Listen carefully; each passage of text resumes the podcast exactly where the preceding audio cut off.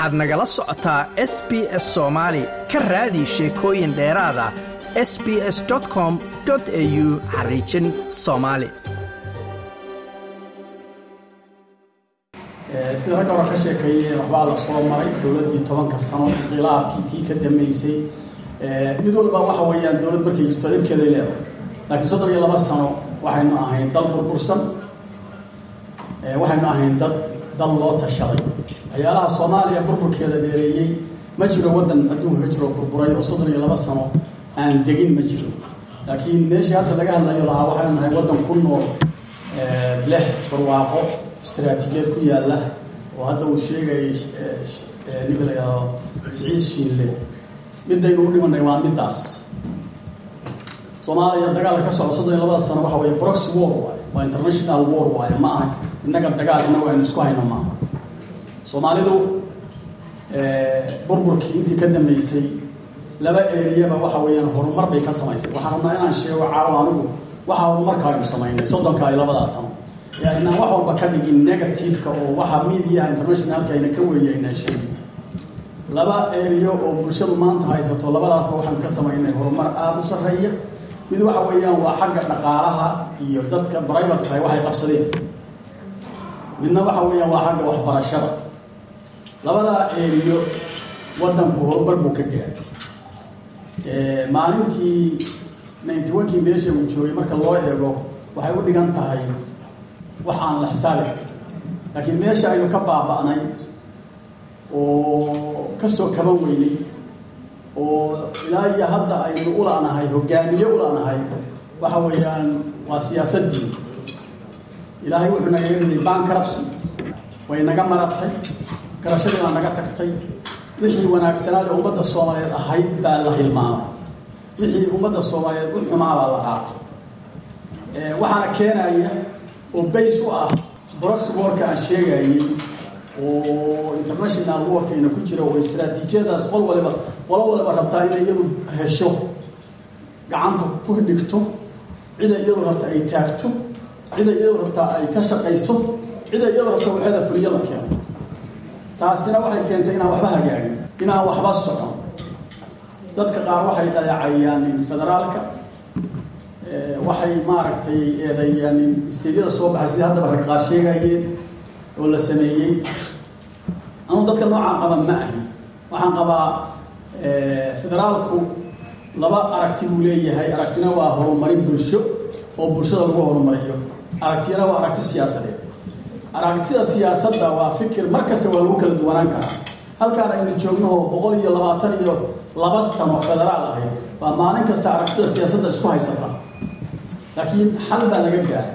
Laakiin aragtida horumarka waa waxaa horumarisay waddamada federaalka oo bulshada horumarkeeda oo serviceka la gaarsiiyo bulshada meesha ugu dambaysa oo ugu hooseysa ilaa tuulo la gaarsiiyo. Dowlad dhexe markay jirto ma samayn karto inay ilaa meesha ugu dambaysa gaarsiiso. Federaalka intaas baan rabaa inaan ka idhaahdo waxaa kaloo jirta oo runtii innaga dhibaatayna ku ah oo aynaan marna ka soo kabanay dhanka qabiilka. Qabiilku wuxuu noqday wuxuu noqday means buu noqday. Protection buu noqday. Economic buu noqday. Wuxuu noqday power wuxuu noqday wax maaragtay kadib laysu adeegsado. Idinka reer hebel ba haydeen. Weligii reer hebel baa idin miyadaan dadahan ka kaca meesha ka qaata. Maya saas ma war idinka degaankan khayr ku jiro oo batroolka iyo macdanta iyo daymankii ka buuxaan idinkaa leh reer hebel baana maaragtay raba inay qaataan ka kaca meesha waxaa intaa inoo sheegaya nad inay yihiin innaga ogaasheenni maaha culimadeenni maaha dad kale wa runtaa fiican waxa aynu u dhimanay oo maanta soomaaliya halkaa u joogtaa waxa weeyaan waa waa waa siyaasadda dhankii siyaasadda wa wixii kaloo waa wax la xallin karo hagaagin waxaan rabnaa marka in dadkeenna halkaan jooga oo runtii wax badan oo soomaaliya ka jira ka badbaaday oo hadday noqon lahayd nolol maalmeed ha noqon lahayd waxbarasho noqon lahayd caafimaad noqon lahayd intaba maaragtay ka badbaaday inay iyagu noqdaan dad midooba u midooba soomaalinimada. Ay ka muuqato waxqabadkooda iyo isku xiraantooda iyo dadka isu keenidooda halkan jooga. Marka dadka halkan jooga ay noqdaan in hal front kan gudaha tagaa markuu halan ka tago gudaha taga waxbuu bedeli karaa. Laakiin markuu halka intuu ka tago uu yidhahdo wareerkeyga xaggee joog oo luuq galo. Waxa weeya waxba ma bedeli karo. Dadka waa in lagu la baraa soomaalinimadii iyo afkii. Anugu hadda ka hor mar hadda ka hor xaflada isu nimi oo odayaashaanu joogeen jaaliyadda caawa halkeenoo ku haya waxaan ku idhi hadda ka hor baa ni wuxuu yidhi maxaa haysanaysaan? Soomaaliya waddankan qurbaabaa timaadeen. Waxaan joogay markaan new zealand. Maxaad ilaashanaysaan waa su'aal buuna weydiiya xafladaanu saan u fadhino annagu aan organise garayn maxaad qurbaa timaadeen waddan aydan aqoon baa timaadeen waddankiina waa ka timaadeen waana joogi doontaan. Maxaad ilaashanaysaan oo aada leedihi diinta yaga dharka yaga waxbaanu iska buxay ma ma og tahay markaad wax inta la weydiiyo aadan aqoon waxbaa iska oranaysaa ma ogta wuxuu yidhi ma idiin sheegaa? Waxaad ilaashataan haddaad weydaanna aad dhunteen hee waa afkiinu afka aad leedihiin haddaad weydaan dadkaasa ka mid tihiin maxaad leedihin laakiin markaa afkiina haysataan oo luuqadiina ku hadlaysaan ithnig baa tihiin dad jiraad tihiin ithnig layqaan baa tihiin. Marka waxaad yeeshaan luuqadiina caruurtiinana bara kula dadaala maanta oo aynu soddon iyo dhowr sano joogno waddanka center carruurta af soomaaliga lagu baromali waxaa intaa dheer intaasoo profesor iyo jaamacad ka soo baxay soo qalinjabeenaan leenahay caruurteennu haddii loo sameeyo t c e da ten marks free ku helayaan luqadooda ay barteen ten marks oo free. Suudaan shala timi eritrea shala taa wada leh innaga waxaa keenay inaynaan samaynin maxaa waaye? Waa isku xiraantii la'aantii waa tafaraaruqii waa qabaliyadii. Waxa soomaaliya ka jira sambalkoodii baynu nahay halkan jooga sambalkii baynu. Marka eco baan ugu baxaya ecoga aan iska xiro halkaan aynu wax ka noqono dadka halkan jooga aan badbaadino soomaalida maanta iyo soomaalidii shalay waxyaalo badan bay ku kala duwan waxaa ugu horeysa aayadda ilaahay uu yihi in allaha laa yugayiru maa biqowmin xataa yugayiruu maa bianfusihim. Waana la bedelay yaana bedelay waman naha nafsa can ilhawa faina aljannata hiya alma'wa. Dhuumi raac baa na bedelay waa la isku kaaya diray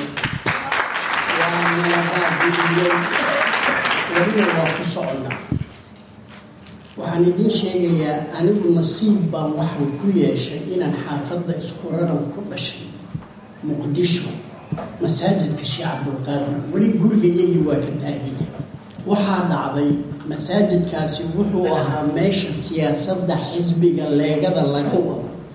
Israel yaa waday rag baad u malaynaysaa dumar baa waday sokeeyoo dhacay waxaa la burburiyo ugu horeeyey waa dumarkii. Waa la kursaday waa la dhacay waa la xumeeyey maxay tahay dumarku waa hooyo. Alummu madrasa hooyadu waa iskuul.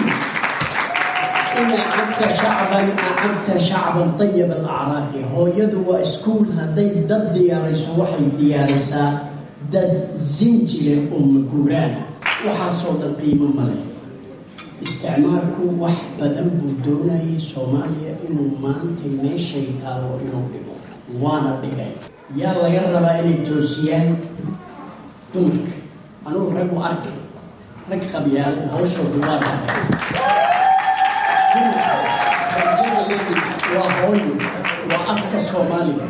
Waxaan u joogay anoo lix sana jira ayaan dhabta cabdullaahi ciise ku fadhiista isagoo new york ka yimid xorriyadda soomaaliya u doonaya eeraboorkaa laga soo qaaday ilaa meesha la yidhaahdo bilaaj carab beexaan soomaalidoo dhan waa taagnaaya maanta soomaali taagan miyaad arkaysaa reer hebel reer hebel barayaaya haddaydan isqabanin dalkan waa dhumay maxaa laysku qabtaa awalan wax walba inaad ikhlaas ku samayso.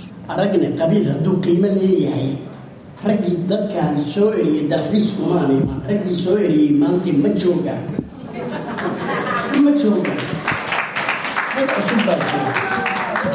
Marka taariikhda lagama tago taariikhda soomaaliya dad xun ma aha. Ilaahayna gabadhii siday tiri in allah maxay ahayd? Waxay tiri aayadda ee walaa taqnutuu min raxmat illaah ina allaha yakfiru dunuuba jamiica rajadayada aan weynayno dad naguma yara caqli naguma yara aqoon naguma yara aan isjeclaano adduunkan dad waa xukuma dadna waa lagu shaqaystaa innaba xukumaan kuu sheegaya nin okli la yidhaahdaa la keenay wuxuu ahaan jiray ambaashadoorka ugu dambeeyay soomaaliya talyaaniga yimaada markii dambena restoro qob la keenay ninkaa wax kale kama shaqayn jiray xamar buu ku ordi jiray waa ninka batroolka yiri siyaad bare batroolkan waa inaad wax naga siisaa. Batroolku wuxuu bilowday kun iyo sagaal boqol iyo kontonkii rogers qolo la yidhaah ayaa maamulaysa.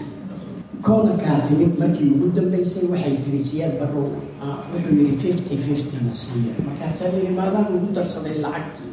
Aan ku kharajka iyo saamka iyo wax kasta aan ku sameynayna saas mi ahaa weliba waa kuu badinaynaa soddon qaado waa u ka diiday wuxuu yidhi ragga imaan doona ayaa iskale. Anigu taladaas ma qaadana. Wax hadda la isku dagaalamayo dhanna waxa weeye waa dhulkaas khayraadka ku jira. Nin soomaaliyo badda intaan la eg baan leenahay dabaal yaqaana male ma jiro. Nin ku tahafuday oo dhahaya maanta kalluunka la soo baxa reer xamarka keliyaa jira iyo reer jaziira inta kale waxaan leeyahay taariikhna idiin sheego macno ma lahayna hadda maanta ka bilaaba never too late. Isku mid noqda like aas la wadaag wax ka dheh lana soco barta facebooka ee sb s soomaali